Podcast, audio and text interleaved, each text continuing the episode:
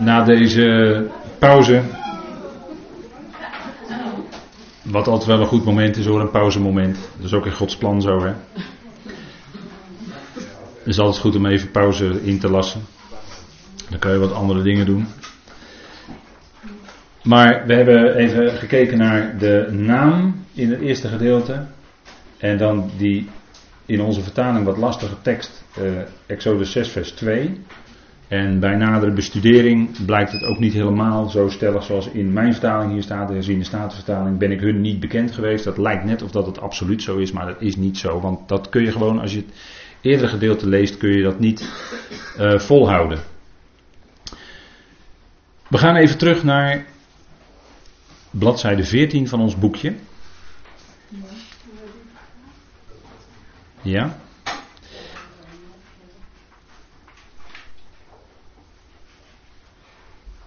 En daar zegt de tekst: Ik ben Jaweh en ik verscheen aan Abraham en aan Isaac en aan Jacob in Eel de Almachtige, of Al Shaddai.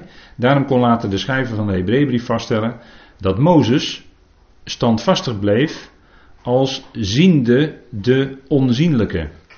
altijd een prachtige uitspraak dat Mozes eh, doorging in geloof. Hè. Een van de grote geloofsmannen was Mozes in Tenach. En hij ging door en bleef standvastig als ziende de onzienlijke.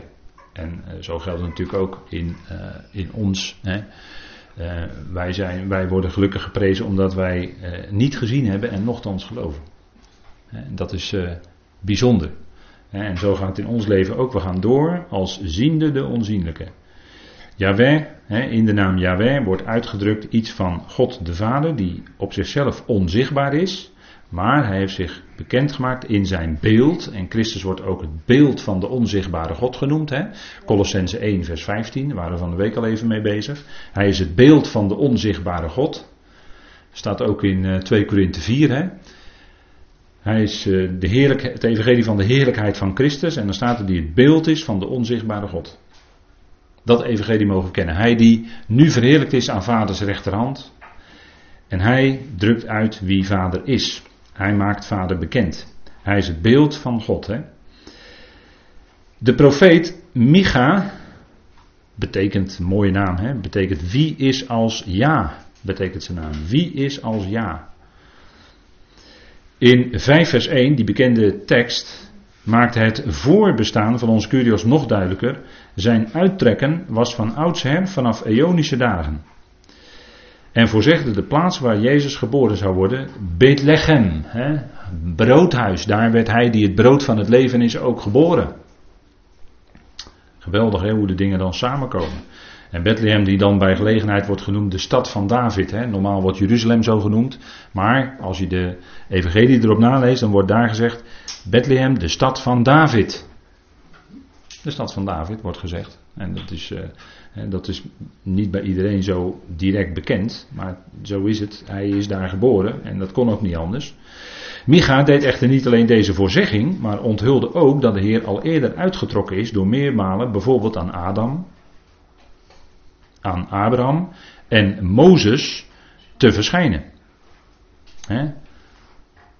Als God met Abraham omging, als God met Abraham sprak, dan was het natuurlijk eigenlijk hij die later als mens Jezus zou zijn. Abraham, die ontmoette hem.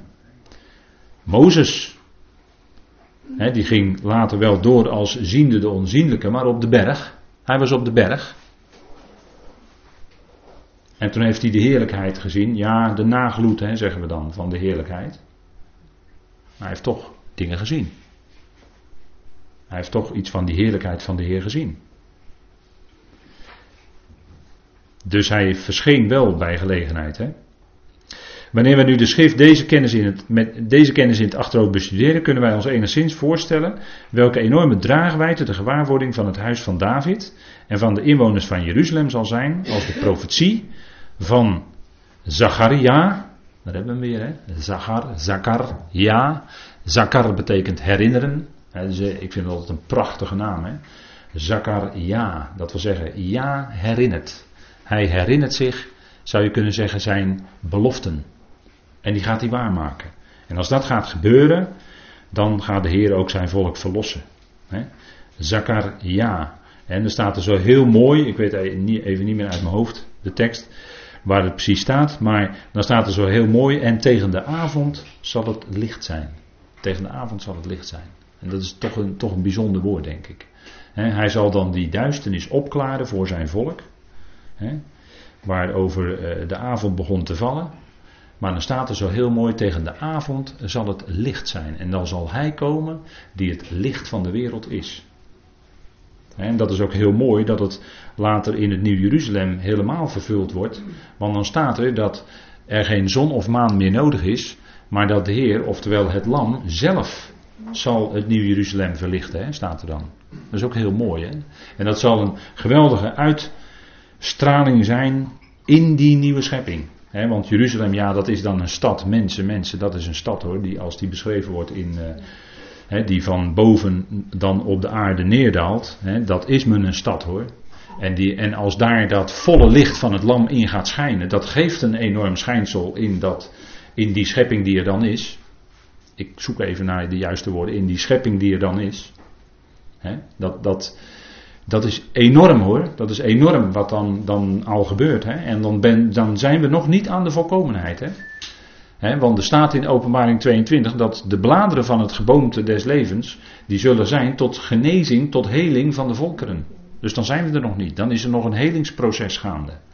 En pas als dat helingsproces voltooid is, en dan, is het, dan wordt ook iedere traan van de ogen afgewist. Hè? Dat is ook zo'n geweldige uitspraak. Hij zal alle tranen van de ogen afwissen, staat in de openbaring, maar het stond ook al in Jezaja. Hè?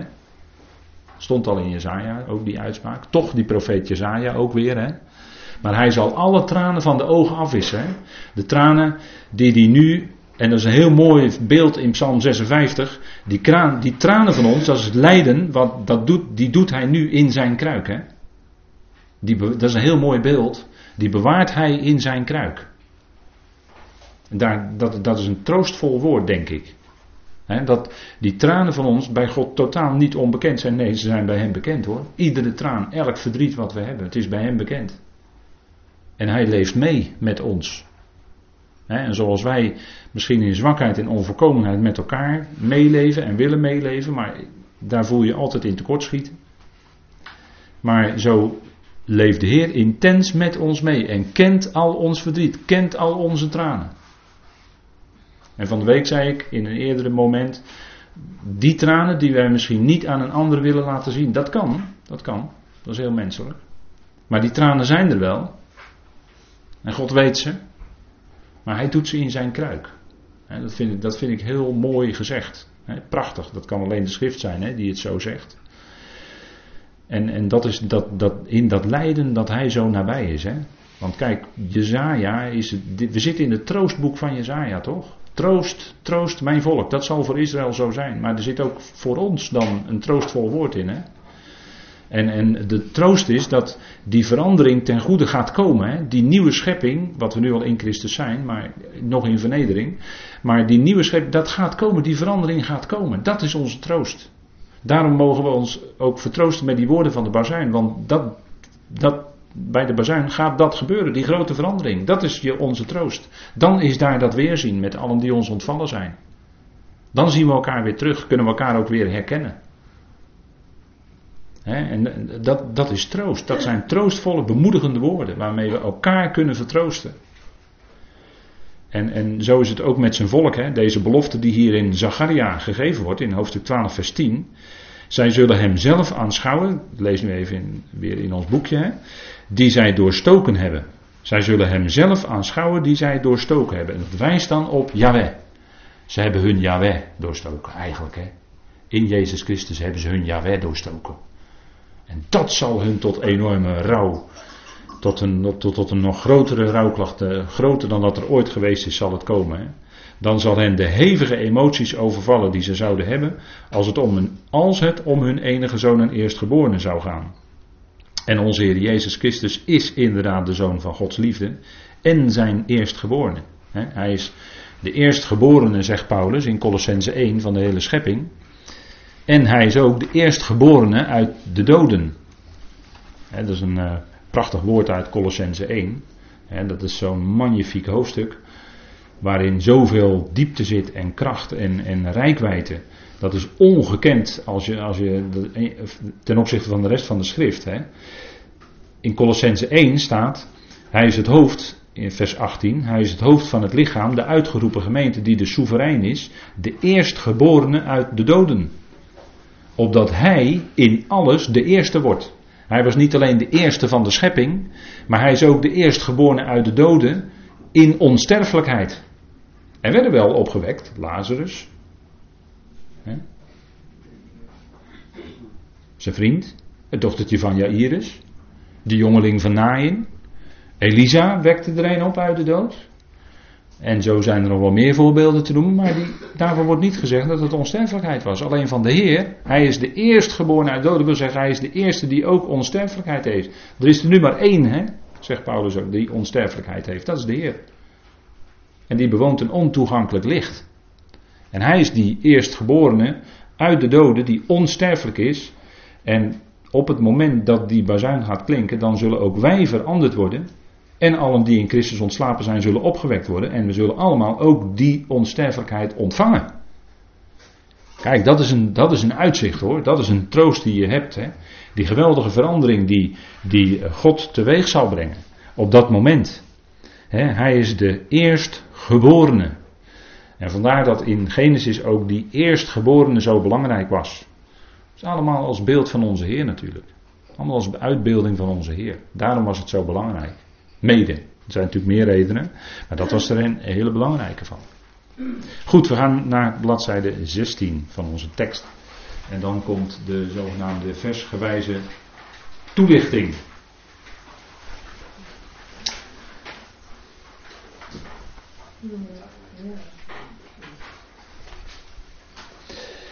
Versgewijze toelichting. En we lezen dan even Jezaja 44 vers 28. En die staat ook voor in uw boekje afgedrukt. En ik heb hem op deze dia ook nog even aangegeven. Wat ik zeg aan Kores, mijn herder, geheel mijn wens zal hij volbrengen. Wat ik zeg aan Jeruzalem, het zal gebouwd worden. En wat ik zeg aan het tempelhuis, het zal gegrondvest worden. ze, ze zouden die puinhopen zien maar de troost zat hem in die verandering die hier aangekondigd wordt. De verandering dat er weer herbouw komt. Kores. Dit werd meer dan, of meer dan ongeveer 100 jaar van tevoren voorzegd. Hè? Dat die Kores er zou zijn. En dat hij in opdracht van God zijn herder zou zijn. Zijn herder. Jezaja, we lezen even bladzijde 16 bovenaan. Jezaja profeteerde de ballingschap van het Joodse volk en ook zijn bevrijding. Meer dan 100 jaar tevoren noemde hij de naam van de bevrijder Kores of Cyrus. Hij noemde ook een van de namen van onze Heer en Redder, Emmanuel. God met ons. Wat is dat geweldig, hè? God met ons. Dat is ook wat wij beseffen in ons leven wat we weten. God is met ons. Hij is nabij. En door zijn geest woont hij zelfs in ons. Dat is helemaal uniek. Dat is helemaal geweldig. Hè? Dat hij door zijn geest permanent in ons woont zelfs. Hè? God met ons. Maar dat werd in Jezaja 7, honderden, honderden jaren dus voordat de Heer daadwerkelijk op aarde geboren werd, werd het al voorzegd. Hè? En dat werd aangehaald in Matthäus 1, vers 23 bij de aankondiging van de geboorte. Laten we even met elkaar lezen. Er wordt Jezaja 7 aangehaald. In Jezaja 7 was het al geprofeteerd. En natuurlijk zitten er dan Jezaja 7 wat haken en ogen ook. Maar goed, in ieder geval wordt het door Matthäus geciteerd. En toegepast op die situatie dat de Heer Jezus zou komen. Jezaja en, uh, sorry, Matthäus 1, En lezen we even vanaf vers 22. We hebben eerder deze week al vers 21 gelezen. Dit alles is geschied opdat vervuld werd wat door de Heer gesproken is door de profeet. Toen hij zei: Zie, de maagd zal zwanger worden en een zoon baren. En u zult hem de naam Immanuel geven. En vertaald betekent dat God met ons. Immanuel, als je dat overzet, zegt hier de schrijver, is het God met ons. God met ons. Heel bijzonder. En dat was in Jezus, toen hij kwam, was dat zo. Hè? Toen was God met dat volk, te midden van het volk, door hem aanwezig. Hij liet zien wie vader is. Immanuel. Hè, dat is wat gezegd wordt als vervulling van profetie. Als vervulling van profetie uit Jesaja 7 vers 14. Hè? Immanuel. Wat dus later door Matthäus wordt vastgesteld. Dit is de vervulling. God met ons. Jezus is gekomen. Hij liet zien wie God is. En eeuwen zaten daartussen. Hij werd pas eeuwen later uit Miriam geboren. In de tekst staat altijd Maria in de vertaling. De voorzegging is alleen waar en mogelijk indien de profeet als de mond van God spreekt. want dat is de profeet, dat is een ware profeet. Dat is de mond van God. Die zegt Gods woord. En dat gold voor, ik heb al eerder even Jeremia genoemd. Hij zal verheven zijn, betekent zijn naam. Jerem, Jerem, ja. Hij zal verheven zijn hij die verheven is, zo zou je die naam kunnen vertalen. En die voorzegde in weerwil van vele profeten die uit hun hart profeteerden. En die vrede voorzegden, zei Jeremia, dat het volk weggevoerd zou worden in ballingschap en dat Jeruzalem verwoest zou worden. En dat het ballingschap 70 jaar zou duren, was voorspeld. Hè? Jeremia 25. Gaan we het even met elkaar opzoeken, kunnen we nog eens een keer nalezen. En Daniel raadpleegde dat. Die raadpleegde Jeremia en die wist op een gegeven moment, want die mocht dan tellen, dat die 70 jaar bijna voorbij waren. Jeremia 25, vers 12.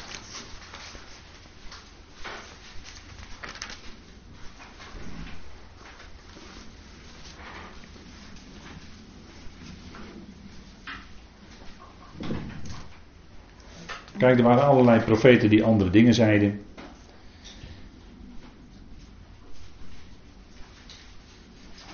En lees met u even voor het verband vanaf vers 6 van Jeremia 25. Ga niet achter andere goden aan om die te dienen en u voor hen neer te buigen. Dat was het eerste, eerste woord hè, uit Exodus 20. Hè. Eerste woord. Je zult geen andere goden voor mijn aangezicht hebben.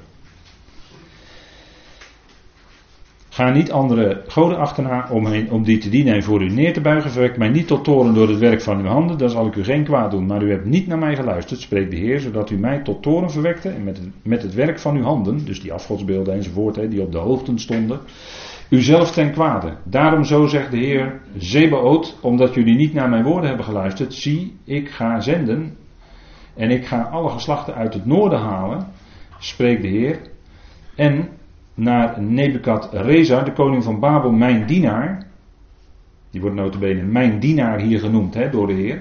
Ik zal over hen over dit land brengen, over zijn inwoners, over al deze volkeren rondom. Ik zal hen slaan met de ban, dat betekent ter dood brengen. En hen stellen tot een verschrikking, tot een aanfluiting en tot, niet eeuwig hè, maar Ionische puinhopen, ik zal uit de midden doen verdwijnen de stem van de vreugde, de stem van de blijdschap, de stem van de bruidegom en de stem van de bruid, het geluid van de molenstenen en het licht van de lamp.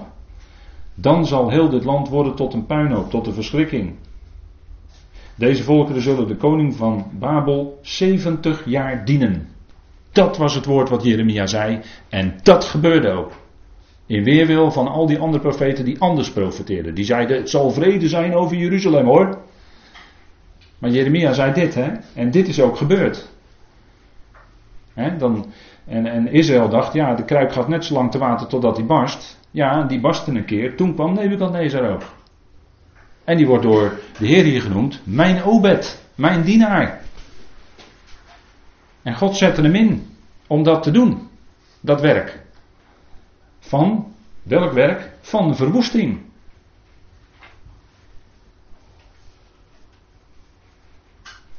En dan komt er ook natuurlijk een beperking, want het zou 70 jaar duren. Het zou 70 jaar duren. Want in vers 12 staat, maar het zal gebeuren, wanneer de 70 jaar voorbij zijn, dat ik de koning van Babel en dat volk, spreekt de Heer, hun ongerechtigheid zal vergelden en ook het land van de Galdeeën. En ik zal dat maken tot eeuwige woestenijen. Nou, eeuwig is natuurlijk Olaan Ik zal dan over dat land al de woorden brengen die ik daarover gesproken heb. Al wat in dit boek geschreven is, wat Jeremia geprofiteerd heeft over al deze volkeren. En zo is het natuurlijk ook gebeurd. De koning van Babel viel. En het ging over in de handen van de Mede en de Persen. En daar was Kores. En Kores, mocht dan die functie van herder voor dat volk vervullen. En dat volk aanzeggen dat zij mochten terugkeren. En dat kunnen wij ook uh, terugvinden. Dat woord van terugkeer. In uh, bijvoorbeeld uh, Nehemia. Laten we het even met elkaar opzoeken. Nehemia. Nehemia. Hè, daar, dat, daar, hoor je het woord, het Hebreeuwse woord Nagam. Hè. Nagamja, dat is vertroosting van ja. Betekent dat? Nagam is het woord voor vertroosten in het Hebreeuws. En Nagam ja, dan komt de vertroosting komt van ja. En waar zit dan de troost in? Dat Nehemia mag gaan herbouwen. Dat is de troost. Troost, troost mijn volk. Ze worden verlost uit ballingschap. De situatie gaat veranderen. Daar heb je het weer. De situatie gaat veranderen. Dat is de troost. En ze zullen Jeruzalem, de muren, dat gebeurde dan onder Jeremia. En de tempel, dat gebeurde onder Ezra, mochten ze herbouwen. Dat is de troost. En Nehemia ging door met herbouwen, ondanks alle tegenstand. Hè. Nehemia was er helemaal op uit om alles te doen tot opbouw van de muren. En wat zeg ik nu eigenlijk? Dat Nehemia voor ons een geweldig voorbeeld is. Want ook wij zouden alles doen wat is tot opbouw van de gemeente. En zo hebben we ooit ook Nehemia.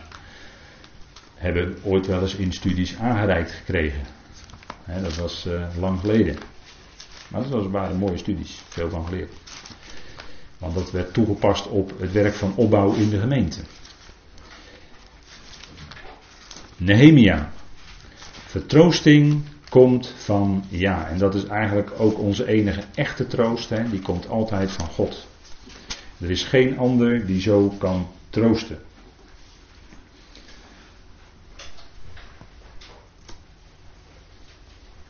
En dan lezen we in Nehemia 2. Nehemia 2. En het gebeurde vanaf vers 1. En het gebeurde in de maand Nisan.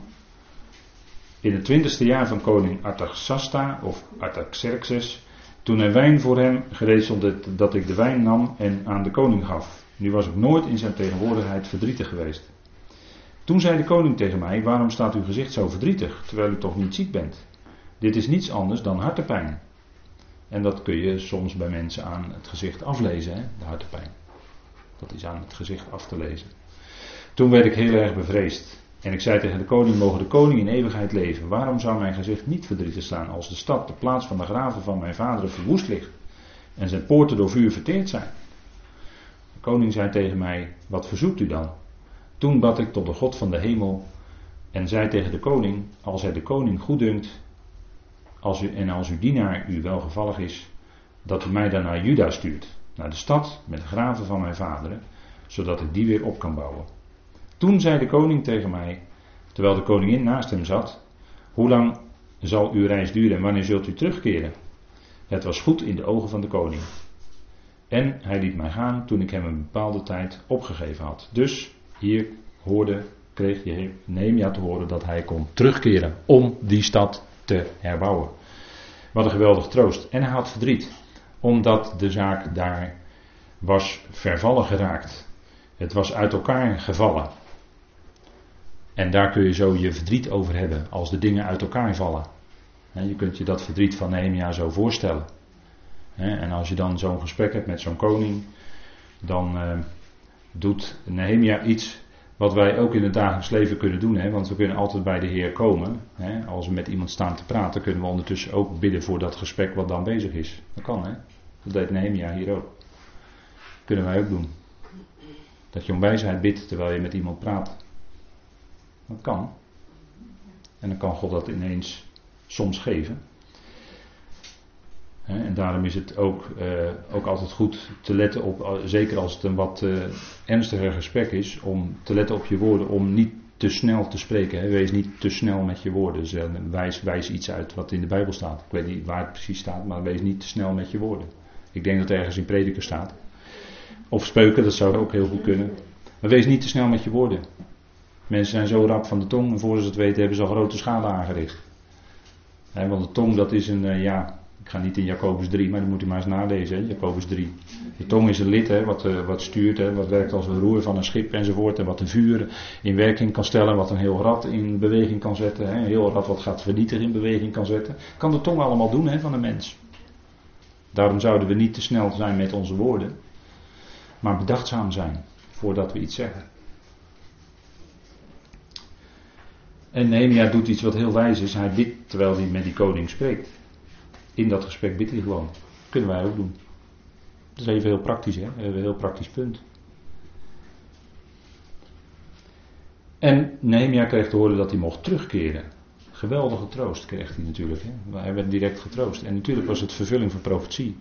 De Heer had het voorzegd door, nee, door Jeremia. De Heer had het gewoon voorzegd. Als er 70 jaar voorbij zijn, dan komt het woord dat je mag terugkeren. En het gebeurde zo exact, hè? exact na 70 jaar terugkeer uit de Babylonische ballingschap. Dat is allemaal vastgelegd. Geweldig hè, dat je ziet hoe die profetie vervuld wordt, want God vervult zijn woord. Hè, daar kunnen we altijd van op aan. We lezen even verder op bladzijde 16.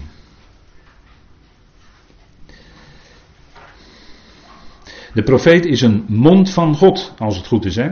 De profeet wil niet zijn eigen woorden spreken, maar die wil alleen spreken wat God spreekt. Dat kenmerkt een profeet. Hè? Alleen spreekt de mond van God willen zijn, wil zeggen zijn woord naspreken. dan, dan, kunnen wij niet, zoals eh, gebeurt soms, dat er in diensten wordt gezegd, zo spreekt de Heer, en dan gaat iemand iets zeggen uit zijn hoofd of uit zijn eigen hart. Daar ben ik altijd heel voorzichtig mee met dat soort dingen. Daar ben ik al heel voorzichtig mee. Er staat geschreven. Dat heb ik van Paulus geleerd. Er staat geschreven. En dat is wat onze vastheid is. Hè? Bewijs. Als je denkt dat iets anders is, dan zeg ik altijd goed.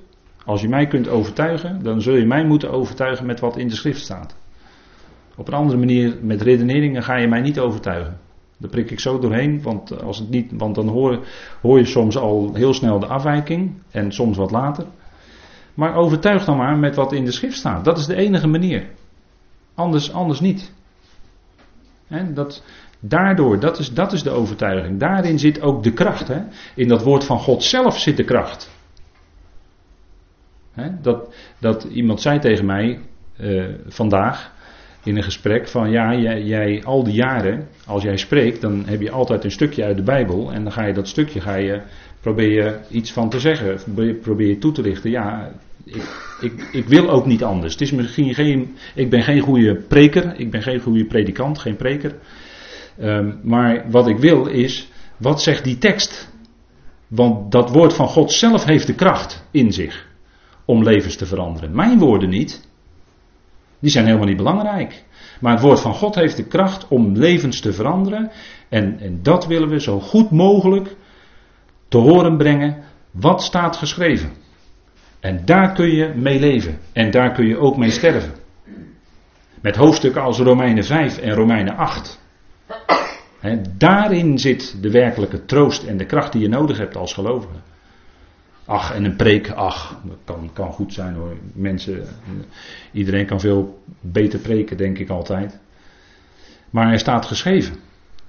En, en dat is onze kracht, hè, waaruit we graag willen lezen, waar we willen leren.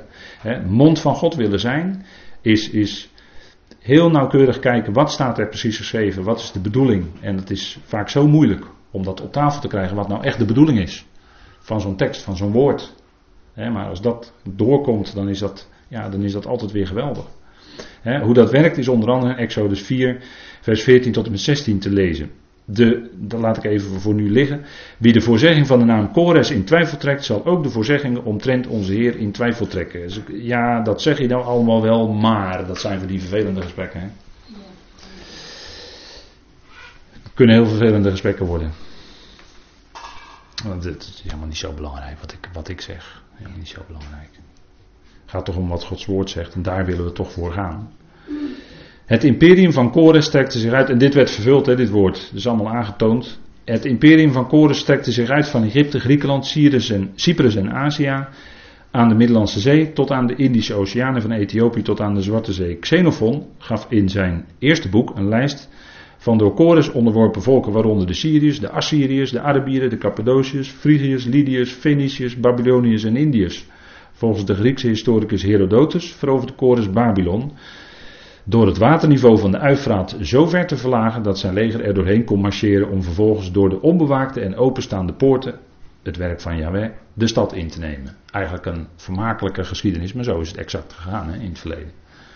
Dit was een hele slimme, slimme veroveraar, die Kores, want die deed dat op die manier. Hij denkt, nou die rivier zit in de weg, nou dan verlagen we toch het waterniveau van de rivier en we trekken gewoon met z'n allen de stad in. Geweldige truc. En zo is het ook gegaan. En dat was precies door de Heer voorzegd. Hè. Hij zou poorten openzetten, staat er in Isaiah 44. Hij zou toch de poorten openzetten, dat staat er toch. Even met elkaar lezen. Isaiah 45 vers 1.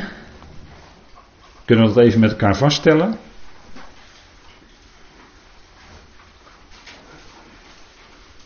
Jezaja 45 vers 1. Zo zegt Yahweh tot zijn gezalfde. Dus Kores wordt niet alleen herder genoemd, maar ook Mashiach, hè, gezalfde. Niet alleen Roi, daar zit heel veel in. Maar ook gezalfde, hè, Mashiach tot Kores, die wordt zelfs zijn Messias genoemd. Die ik sterk heb doen worden.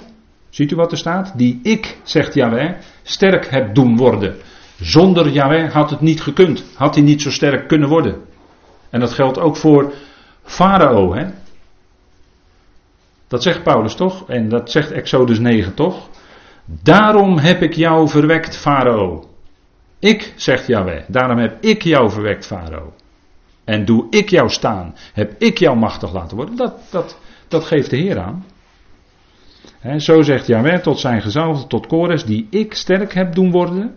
En aan zijn rechterhand om natieën neer te werpen. Lendenen van koningen zal ik ontgordelen om voor zijn aangezicht deuren te openen en poorten zullen niet worden toegesloten. En dat was letterlijk zo vervuld bij Babylon. in die nacht waarin Belshazzar zo ver ging dat hij het uh, tempelgerei liet komen om daaruit uh, feest te vieren, te drinken ter ere van de afgoden van Babel. En dat ging een stap te ver. En in diezelfde nacht, in diezelfde nacht, viel Babel, mene mene tekel ufarsin, het schrift van de profeet, de hand van de profeet op de muur. Hè. Mene, mene, tekel, gewogen, gewogen, te licht bevonden. En in diezelfde nacht viel Babylon in de handen van de mede en de persen. Want je kunt niet, je, hè, God laat niet met zich spotten. Je kan wel ver gaan, maar je kan niet te ver. En toen ging het te ver. En toen was de maat echt vol. En zo werden letterlijk deuren bleven open. Hè, deuren werden geopend, de poorten werden niet toegesloten.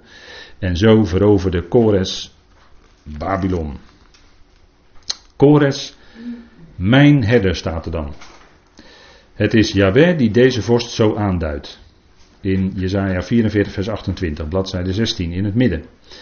Een herder hoedt de kudde, houdt de dieren bijeen en beschermt hen. Dat zit allemaal in dat woord roi. Hè?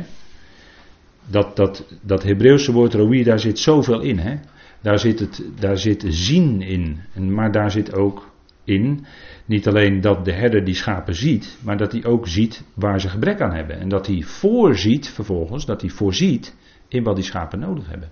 Dat hij ze voedsel geeft. En daarom is het beeld van een herder in Efeze 4 ook zo prachtig, want wat, wat doet een herder in de praktijk? Die brengt zijn dieren bij het juiste voedsel. Dat is de enige, de, hè, evangelisten, herders en leraars. Eh, de enige agrarische beroep is dan de herder. Maar wat doet een herder in de praktijk, in de agrarische wereld, om zo maar te zeggen, met zijn vee? Hij brengt ze bij het juiste voedsel. En dat zou een, een, een leraar zeker doen. En een herder ook dus. Die brengt ze bij het juiste voedsel. En die houdt ze ook bij het juiste voedsel. Die zorgt dat ze niet verdwalen. Dat ze niet in, eh, in, in andere weiden gaan grazen enzovoort. Dat ze andere dingen gaan grazen die ze niet nodig hebben.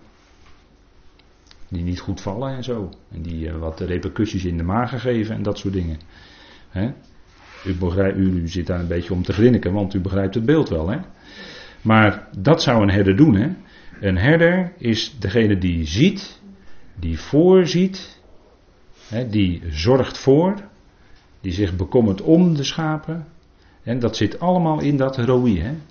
waar Psalm 23 mee begint. Hè? Dat is een prachtige psalm. Die volgt op Psalm 22 natuurlijk. Maar Psalm 23 spreekt ook over de opstanding. Over de opstanding die God geeft. Hè? En de kracht die God geeft in moeilijke omstandigheden. De Heer, mijn herder. En hier wordt gezegd Kores, mijn herder zelfs. Kores, als Kores niet als herder had gefunctioneerd, staat hier, hè, zouden de gedeporteerde leden van de stammen Juda, Benjamin en Simeon nooit tezamen hebben kunnen terugkeren naar het land en de stad die God hun had toebedeeld. Kores bracht ze eigenlijk als, eh, als was hij een herder terug naar het land. Terug naar de juiste oasen. Hè, want u brengt mij uh, ja, in Groene Weiden, dat is wat westers vertaald, hè, denk ik altijd. Maar daar staat eigenlijk oasen. U brengt mij in een oase. En in de wildernis en in de woestijn, wat heb je dan nodig? Een oase. En daar kwam Israël ook bij gelegenheid in. Hè. Dan kwamen ze twaalf waterbronnen en zeventig palmbomen tegen en dat soort dingen. Hè. Ja, dat, dat, is, dat is die herder, de God die hun herder is. En die ze brengt, die voor ze zorgt. En die ze brengt in die oasen van rust. En zo hebben we geestelijk af en toe ook zo'n oase nodig. En misschien is dat deze week dan wel voor u. Even zo'n oase in de wildernis of in de woestijn van ons bestaan. Om het zo maar even aan te duiden. En dan kan deze week bijdragen als een moment van weldaad, van rust. Ja, zullen wij de Heer daarvoor danken. Vader, wij danken u dat we een kort moment weer stil konden staan bij woorden van u. Beelden die u geeft in de schrift, die zo rijk is. Troostvolle woorden, Vader. Het is deze week heel troostrijk. We danken u dat u dat geeft.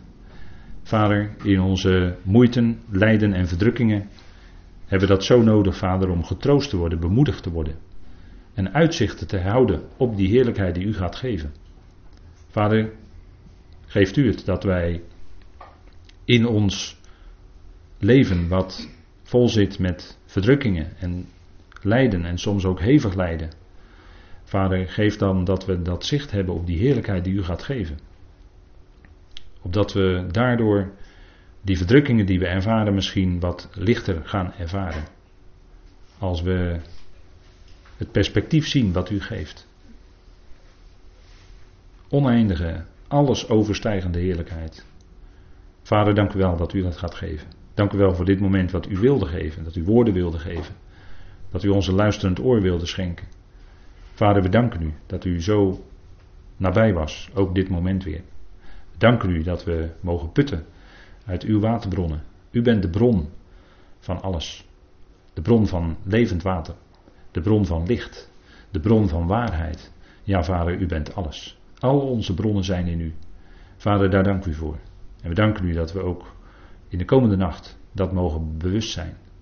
Als misschien wakker liggen. En ons toch weer zorgen gaan maken. Mogen dat dat ons bewustzijn. Vader, dat u er bent, dat u nabij bent. En dat u het ongedacht zal uitwerken. Toch ten goede uiteindelijk. Vader, daar dank u voor. Dank u voor ieder die hier wilde zijn. Vader, en ieder die hier deze week is. En de gasten die graag aanschuiven bij deze momenten. We danken u daarvoor. Vader wil ons alle genadig nabij zijn. Ook als we weer de thuisreis krijgen. En vader, dank u wel voor alles wat u wil geven. Ook in het verdere van deze week. We danken u daarvoor in de machtige naam van uw geliefde zoon. Amen.